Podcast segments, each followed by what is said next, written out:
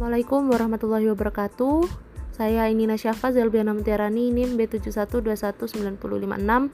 Di sini saya akan membahas tentang tipe afasia dan komponen bahasa.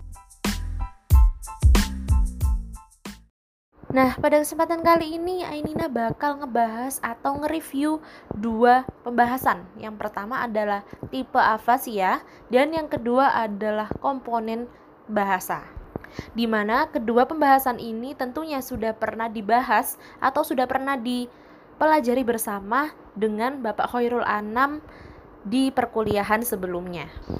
Oke, sebelumnya kita akan membahas tentang apa itu afasia terlebih dahulu ya. Jadi, afasia ini bisa didefinisikan sebagai kehilangan kemampuan berkomunikasi karena kerusakan area berbahasa di dalam otak. Jadi seperti yang sudah dipelajari bahwa di dalam otak ini kita mempunyai area-area kebahasaan tersendiri ya. Dan apabila ada kerusakan di area bahasa itu akan mempengaruhi cara kita berkomunikasi atau cara kita berbicara. Nah, Ciri-ciri dari orang yang mengidap afasia ini yaitu yang pertama adalah sulit berbicara, yang kedua sulit menemukan istilah atau kata yang tepat, yang ketiga menggunakan kata-kata baru atau aneh, dan yang keempat yaitu sulit untuk memahami percakapan orang lain.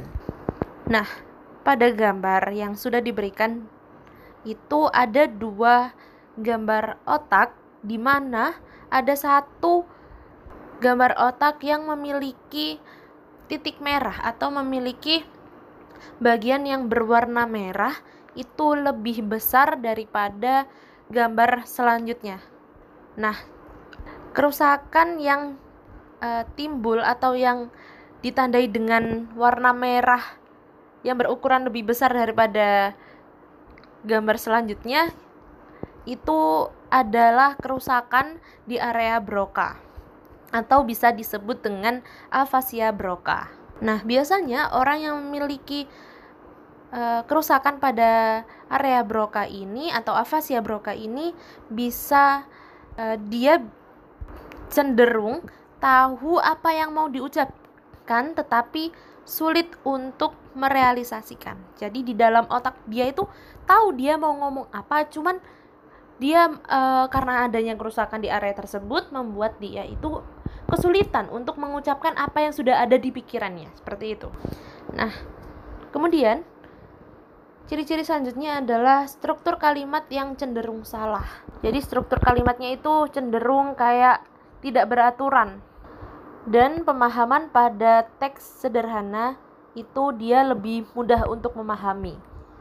Dan selanjutnya yaitu tentang afasia selanjutnya atau pada gambar ini ditunjukkan dengan gambar otak yang memiliki bagian warna merah sedik, sedikit lebih kecil daripada afasia Broca tadi. Nah, afasia ini disebut dengan afasia Wernicke, yaitu kerusakan pada area Wernicke.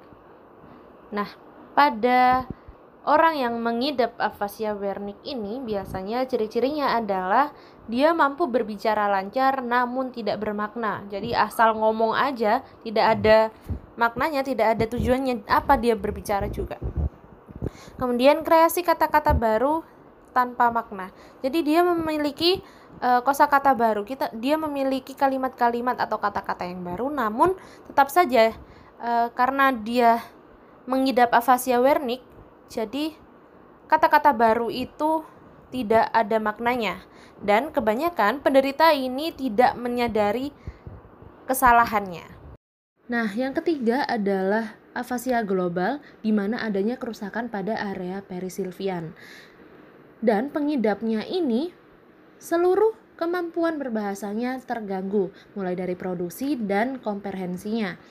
Bisa dikatakan afasia global ini adalah kerusakan paling parah di otak yang meliputi di kebahasaan atau area bahasa, termasuk area Broca dan area Wernicke.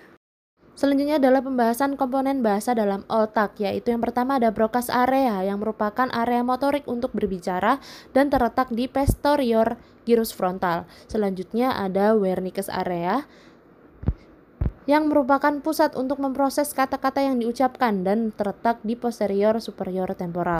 Selanjutnya primary motor cortex, wilayah otak pada manusia yang terletak di bagian dorsal lobus frontal dan Area ini atau primary motor cortex ini berguna untuk menjalankan gerakan-gerakan pada tubuh manusia. Kemudian primary auditory cortex adalah bagian dari lobus temporal yang memproses informasi pendengaran pada manusia dan banyak vertebrata lainnya. Terletak bilateral kira-kira di sisi atas lobus temporal pada manusia, melengkung ke bawah dan ke permukaan medial pada bidang temporal superior di dalam sulcus lateral dan terdiri dari bagian gyrus temporal transversal dan gyrus temporal superior. Selanjutnya yaitu primary visual cortex adalah korteks cerebral yang memproses informasi visual. Dia terletak di lobus occipital. Selanjutnya adalah angular gyrus yaitu bagian yang sangat penting dari otak yang bertanggung jawab untuk pengelolaan bahasa, angka, dan berorientasi terhadap berbagai proses logika yang kita butuhkan dalam kehidupan. Fungsi dari angular gyrus ini yaitu untuk berbahasa, pengambilan memori, matematika, kesadaran, dan pengendalian keterampilan motorik. Selanjutnya adalah arcuate vis fiscicillus yang berbentuk busur ke wilayah otak tertentu yang terdiri dari satu set serabut saraf yang menyatukan dua area utama yang terkait dengan bahasa area Broca dan Wernicke. Dalam hal ini perlu dicatat bahwa koneksi bersifat dua arah. Selanjutnya adalah somatosensory cortex. Pada konsep konteks somatosensor ini mengacu pada area otak spesifik yang terletak di lobus parietal. Seperti namanya, lobus ini berada di bawah tulang parietal tengkorak dan dalam hal ukuran, lobus parietalis adalah hal sat satu yang terbesar di antara mereka yang berbentuk tengkorak. Dan yang terakhir adalah inferior parietal lobule. Lobul parietal ini adalah wilayah korteks cerebral yang terletak tepat di belakang lobus frontal. Dan di bagian bawah lobus ini terletak lobus temporal dan di belakangnya adalah lobus occipital. Fungsi utamanya adalah untuk menerima dan mengintegrasikan rangsangan indera. Fungsi lainnya adalah memungkinkan kita untuk menghasilkan pengakuan peristiwa somatik dan ekstrafisik orang tersebut.